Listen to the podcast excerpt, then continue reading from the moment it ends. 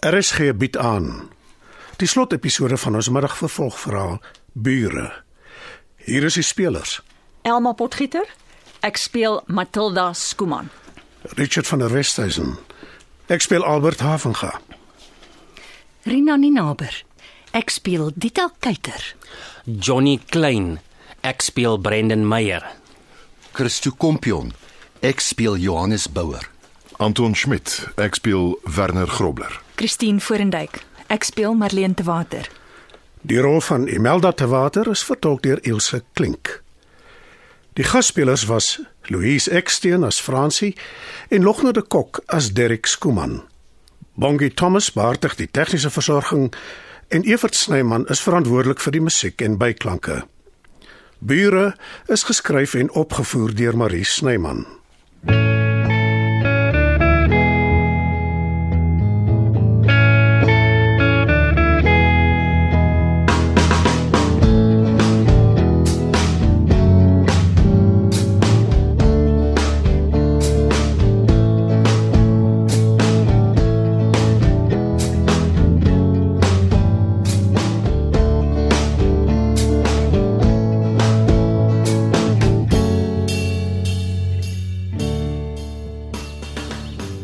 Jurg het nie regtig die grond aan my verkoop nie.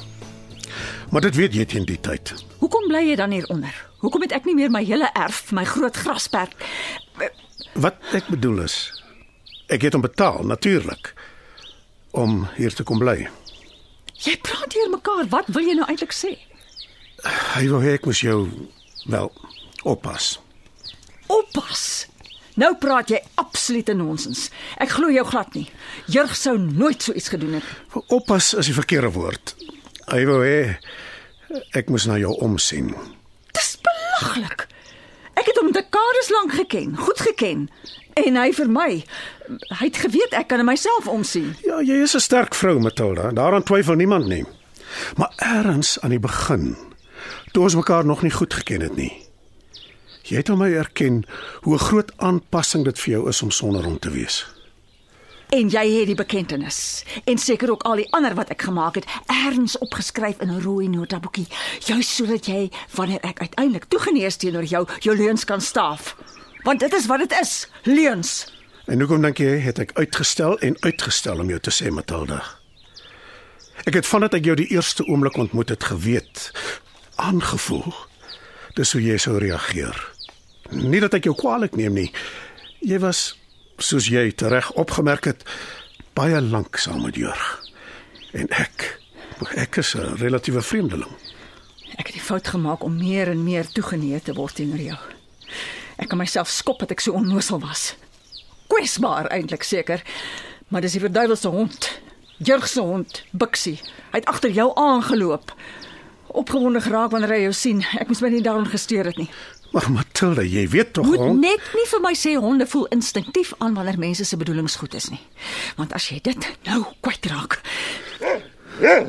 En soos gewoonlik is die einste hond se tydsberekening totaal onverklaarbaar. Nie nou nie, Bixie. Moenie dit op Bixie uithaal nie.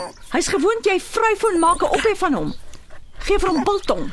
Ek, ek het maar net gedink, uh, Ek is 'n moeilike mens. Wel, dis die etiket wat om my nek gehang word. Maar ek is daarom nie onredelik nie. so Bixie. Die etiket is totaal belaglik. Iemand wat jou regtig ken, dink jy is moeilik nie, Matilda. Eerlik, ja. En reguit. Maar jy is nie Antwoord my net een vraag. Ho ho- hoekom het jy so lank gewag na Jurg se dood? 2 jaar voordat jy jou verskyning gemaak het. Ek het Jurg beloof ek sal wel 'n oog oor jou hou, hoe jy dit ook al wil stel. Maar ek was nie te genee nie. En ek was natuurlik ook besig met my afgryslike egskeiding van vrou nommer 3. Nog 'n rede hoekom ek jou nie glo nie. Jurg sou nooit 'n man vertrou het wat al soveel vrouens gehad het nie. Hy het vir my gesê ek het nog net nie die regte een ontmoet nie. En daarna jou lof besing. Dit kan ek glo. Dit klink soos hy. Een aand net voordat ek die eerste keer hier opgedaag het.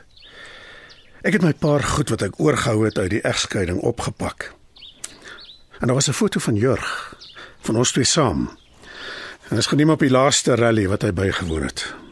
En hy is view. Ja, ek weet. Die uitdrukking in sy oë het my skielik opgeval. Dit was asof hy met my gepraat het. Hy het baie mooi oë gehad. Jy weet so dol is oor klisjées. Hulle was nou werklik soos vensters van die siel. Wel, die volgende dag was ek hier. Nog 'n vraag. Hoekom was jy aanvanklik so onuithoudbaar sowienisties en aanmatigend? Jurg het my gevra om nie ooglopend op te tree nie. My man was beslis nie 'n drinker nie. Vandaar al die bottels wat in die kombuiskas agtergebly het. Maar dit klink werklik asof hy diep in die bottel gekyk het toe julle twee die 'n plan uitgewerk het. Inteendeel. Dit was een oggend, sonsopkoms. Die pad tussen Hazyview en Sabi. Ons het vroeg gaan ry met ons fietsse. Gou gestop om die uitsig te bewonder. Dis toe hy my gevra het. Hy vir jou beskerm. Teen mense soos soos Derek. Aan hom het ek my nog nooit gesteer nie. Ek sou hom dood eenvoudig weggejaag het. Maar hy sou bly terugkom het. Ja, seker. Hoe het jy van hom ontslaag geraak? Hoe 'n onuithoudbare man hy ook al is. Jy weet, Jurg het 'n sagte plek vir hom gehad. En hoe? Derek met al sy afwykings het opgesien na Jurg. Ek het dit wel misbruik. Vir hom gesê Jurg het hom met goeie rede uitgesny uit sy testament dat hy nie welkom is hier nie. So dis jou forte, meneer Hallinga. Jy konsentreer op mense se kwesbaarhede en speel dan op hulle gevoelens. Jy glo dit vir geen oomblik nie, Matilda. Ek weet dit. Jy is reg. En Jurg was reg. Jy is 'n goeie man. Beteken dit ek en jy Nee, Albert. Beslis nie. Net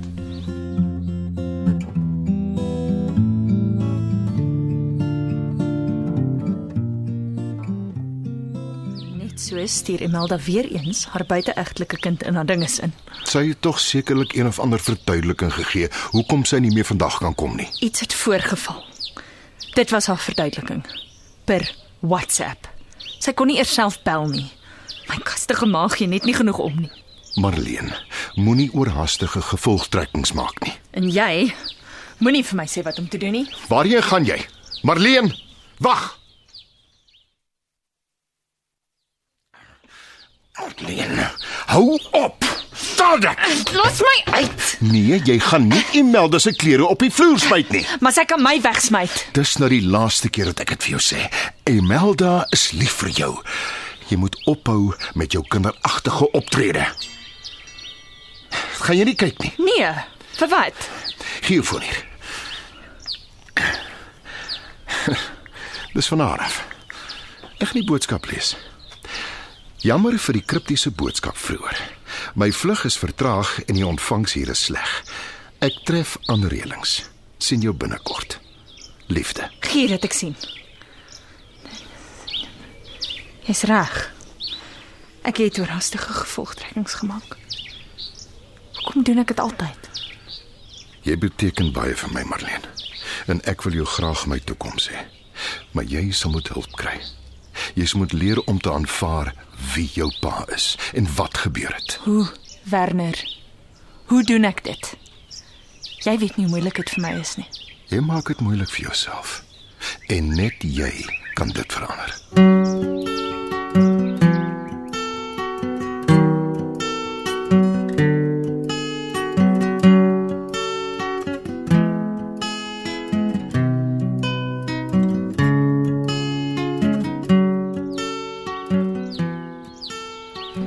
Wat het jy vir Dita gesê oor ons? Ek moenie dit ontken nie. Ek weet jy het my met haar bespreek Ja, ek het. om my swart te smeer. Nee, Joe. Hoekom dan? Ons het gepraat oor liefde. Oor lewensmaats. Oor hoe dit ons ontwyk. En En as jy nie bereid is om alles te gee nie, onvoorwaardelik, dan is ek en jy van nou af net bure. maar ek het jou gesê, Ek weet wat jy gesê het, Joe. Maar ek soek of alles of niks. is dit 'n ultimatum? Jy kan dit opneem nes jy wil. Ek wil nie ons moet net bure wees nie. Ek ook nie, Joe.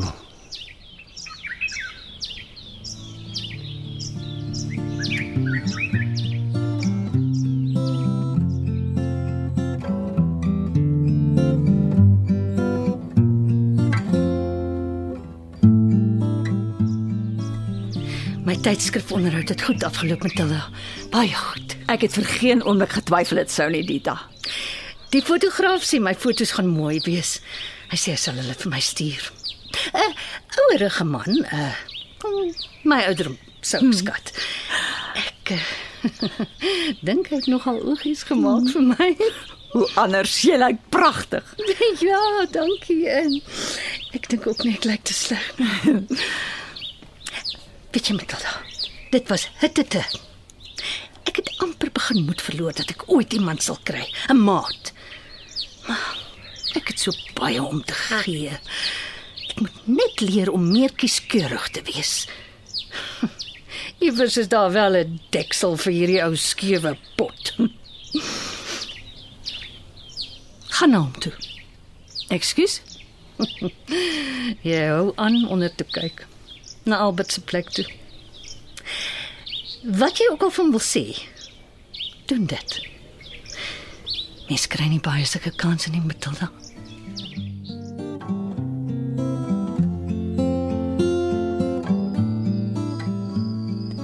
Ek het gedink oor wat jy gesê het. En Hoekom Jurg jou aangestel het as my oppasser gaan my verstand te bowe. Maar ek glo jou. jy weet, ek gaan nie trek nie, nee. Ja. Ek wil ook nie hê jy moet nie.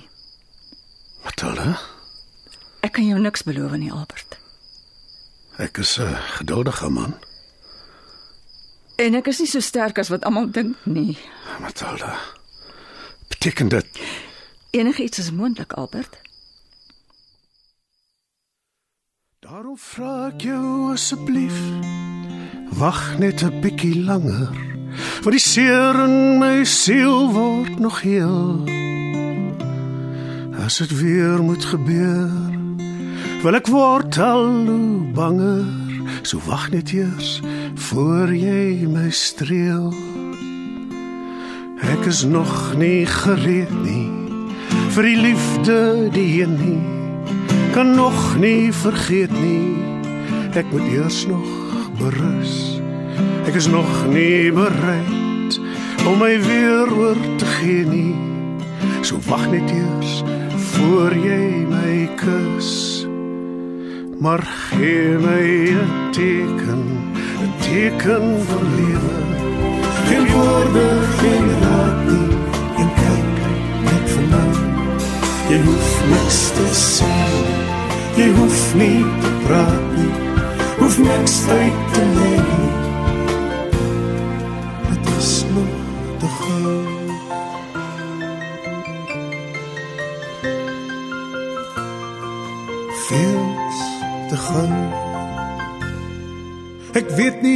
of ek iemand so gou weer kan vertrou nie. Die vrees lê nog vlak hier verbloem. Ek weet nie of ek nou alweer van iemand kan hou nie. So wag eers voor jy iets doen. Bure is geskryf en in Johannesburg opgevoer deur Marie Snyman.